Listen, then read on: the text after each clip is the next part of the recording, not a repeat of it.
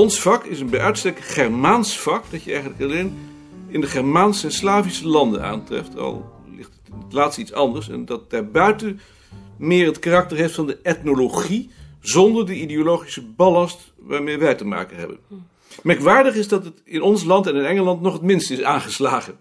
Waarschijnlijk omdat het ook een specifieke boerencultuur verheerlijkt, maar daar zullen we het ook nog eens over hebben.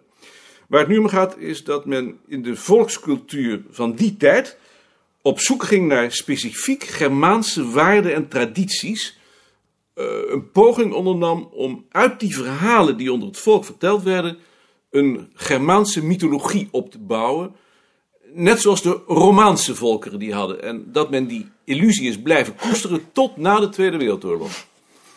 Het laatste voorbeeld daarvan is de Atlas, waarover Sien met jullie zal praten, waarvoor ons bureau in de tijd is opgericht. Die Atlas is een poging geweest om in één gooi alle oorspronkelijke tradities, zoals ze nog onder het volk leefden, in kaart te brengen en op die manier een monument voor het verleden van ons volk op te richten.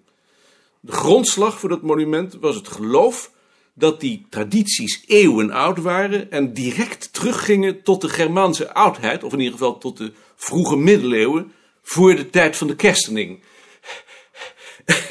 Dat bleek niet vol te houden. Mijn generatie, die de vererende opdracht kreeg om het werk dat de oudere generatie bedacht had uit te voeren, kwam tot de onthutsende conclusie dat de tradities die we in kaart moesten brengen helemaal zo oud niet waren en zeker niet teruggingen tot de middeleeuwen, althans niet in hun huidige vorm.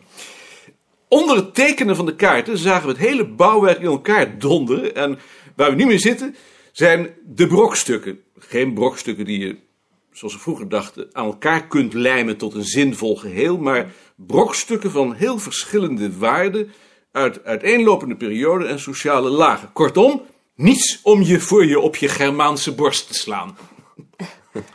De vraag is dus wat er nu met het vak moet gebeuren. Wat wij ervan hebben overgehouden is de belangstelling voor tradities. Die staat in ons hele werk centraal. Onze trefwoordencatalogus bevat in principe de gegevens over alle tradities en gewoonten in de Nederlandse cultuur. Het knipselarchief vult die aan met actuele gegevens die nog niet in de literatuur zijn doorgedrongen. Het onderzoek dat we doen richt zich op de wijze waarop tradities ontstaan, veranderen, verdwijnen en op hun verspreiding. Voor de ideologie in de plaats is dus sceptisch gekomen. Ja, zo zou je het kunnen samenvatten. Mag ik nog wat vragen? Tuurlijk. Waarom noemt u het dan niet liever antropologie? Omdat jij antropologie hebt gestudeerd. Ja, dat natuurlijk ook. Omdat de antropologen niet historisch denken. En omdat ik het wel leuk vind om onder een besmette vlag te varen. Ah, dat vindt u leuk. Mottorgen. Dag Joop. En omdat ik me verantwoordelijk voel voor mijn vak natuurlijk. Maar we moeten naar huis. Vindt u het erg als ik meneer Koning blijf zeggen? Nee. Ik kan me dat ook wel voorstellen. Ik kon dat zelf ook niet dadelijk in de tijd toen mijn baas mij dat voorstelde. Gelukkig. Maar ik zeg wel Gert. Ja, natuurlijk, alstublieft. Dag, Maarten. Dag Lien. Tot morgen. Dag.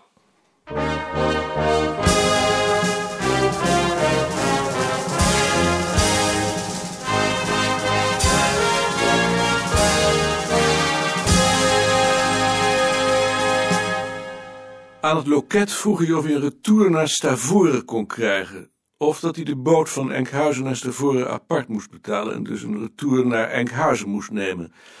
Hoewel hij toch zeer uitvoerig was en langzaam en duidelijk probeerde te spreken, keek de juffrouw hem aan alsof er iets heel vreemds aan de andere kant van het glas stond. De trein bleek niet zo vol als hij dacht. Er waren nog enkele lege plaatsen, waarvan één op een tussenbalkon. Om zich tegen zijn drie medemensen op het balkon te beschermen, pakte hij het trieste der tropen en deed alsof hij las. Alles ging goed tot horen. Daar stapte de vrouw tegenover hem uit en op haar plaats kwam een Surinaamse of Molukse jongen met een snorretje. Maarten hield het boek zo dat de titel niet zichtbaar was, omdat het hem niet fijngevoelig leek om zich zo openlijk met het probleem van die jongen, in plaats van met zijn eigen problemen bezig te houden. De jongen keek af en toe naar hem en bood hem na enige tijd een sigaret aan. Aangezien Maarten daarop niet bedacht was, reageerde hij afwerend. Een korte, afwijzende beweging met zijn hoofd. Alsof hij een bedelaar afschudde.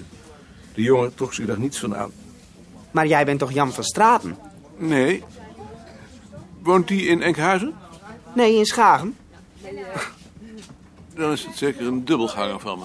Toch dacht ik zeker dat je het was.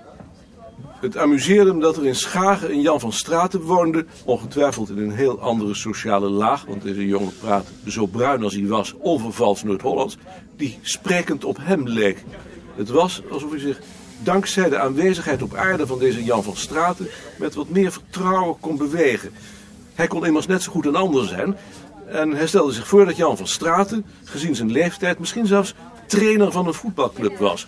Bijna opgewekt verliet hij in Enkhuizen de trein, een beetje als een voetbaltrainer dus.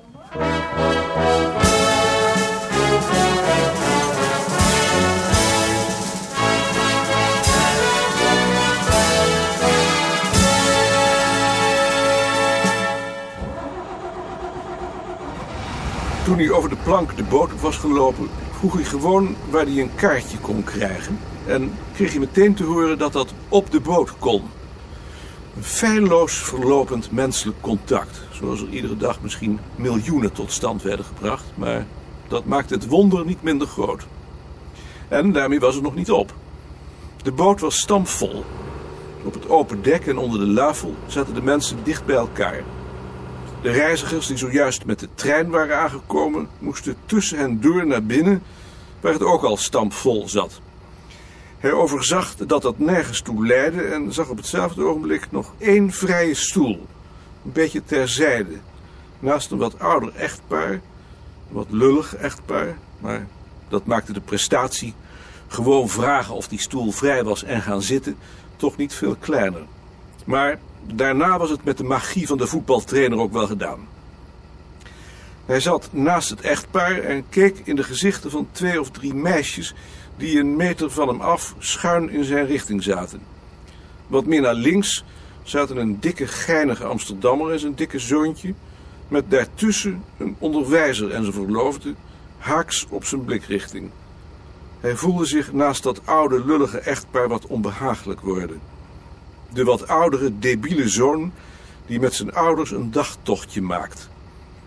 Om zich van dat beeld enigszins te distancieren nam hij het trieste der tropen maar weer op en trachtte, terwijl hij deed of hij las, aan zijn situatie te wennen. Zo in zijn eentje voelde hij zich tussen al die mensen diep ongelukkig. Zonder Nicolien ben ik nergens, dacht hij, niet voor de eerste keer. Met zulke gedachten verpestte hij de bootreis waarop hij zich als op een ouderwets tochtje verheugd had. Ze voeren de haven van Stavoren binnen. De mensen dromden samen op het achterdek. De stoelen werden opzij geduwd. Hij stond tussen hen en keek naar de wal, waar zich een kleine groep afhalers verzameld had.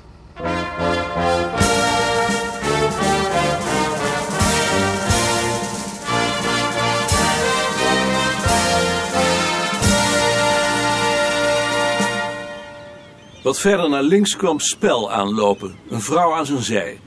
Hij keek naar de vrouw, zich afvragend of het mevrouw Spel was. Vervolgens wuifde hij, omdat Spel keek.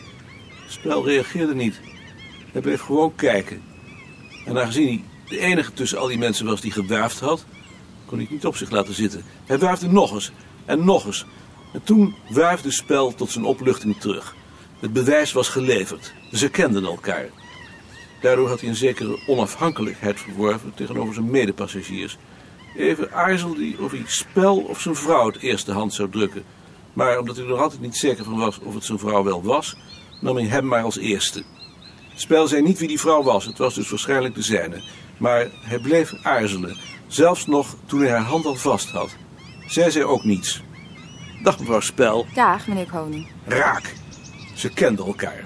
Ze hadden elkaar begroet alsof ze zeer oude bekenden waren die elkaar herhaaldelijk ontmoet hadden. In de auto was het drukkend warm. Dat kleine beetje zon had er een hel van gemaakt. Onbegrijpelijk dat mensen zich voor hun plezier in zo'n ding voortbewogen. Het is eh, warm. Hm? Oh, valt wel mee. Het gaat nog erger. Langzaam reden ze over de smalle Friese wegen naar Bakhuizen.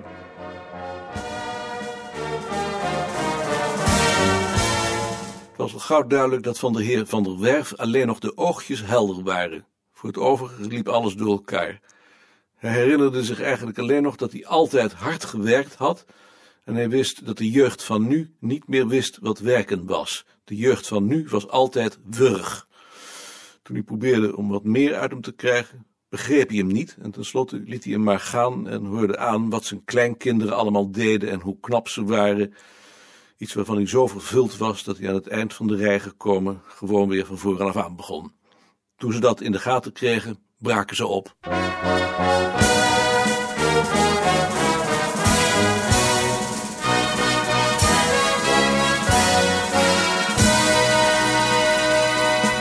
De boot was aanmerkelijk stiller dan ochtends. Nog maar een handje vol op het achterdek. Hij nam het trieste der tropen weer op en verder vermaakte hij zich wel. Eigenlijk was hij zelfs een zeer ervaren reiziger, zou je kunnen zeggen. Zolang de andere reizigers niet te dicht in de buurt kwamen, tenminste.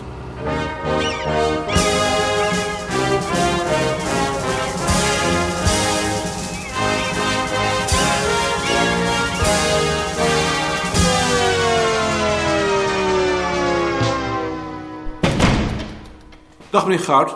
Dag meneer Koning. Is Meijerink met vakantie? Nee, meneer Meijerink is gisteren onverwacht in het ziekenhuis opgenomen. Wat heeft hij? Dat weten ze niet. Dat is niet zo mooi.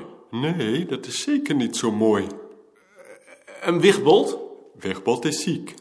Net nu de Vries met vakantie is.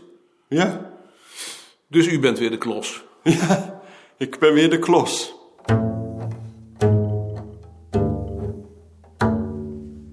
Wat heeft Meijerink? Iets in zijn buik. Maar ze weten niet wat het is? Ik zal straks opbellen. Ben jij de volgende week? Het was wel mijn bedoeling. Ik ben aan een congres. Ik ben er. Ad, ik wou die ehm, inleiding tot de wetenschap der volkscultuur met Lien en Gert behandelen. Ik heb hem dit weekend nog eens doorgelezen, maar het is eigenlijk een eh verdomd interessant boekje. Ik dacht dat die man een nazi was. Jawel, maar historisch gezien. Zo dacht hij niet alleen, zo dachten ze allemaal. Ook de mensen die geen nazi waren. Dacht je? Daar ben ik wel zeker van. Heb je eigenlijk op de tv die film van Ophils over Nuremberg gezien? Stukken. Ik vond het een prachtige film. Ja, ik vond hem ook heel mooi. Maar niet om hem helemaal te zien. Jawel, jawel, maar ik vond hem te lang en dan kan ik niet slapen. Maar wat is er dan met die film? Dat je daarin ook duidelijk ziet hoe die ideeën van de nazi's verankerd zijn in hun tijd. Nee, dat is me niet zo opgevallen. Ik vind dat prachtig. Te zien dat alles onvermijdelijk is. Voorspelbaarheid achteraf, dat is het mooiste wat er is. Ja? Ja,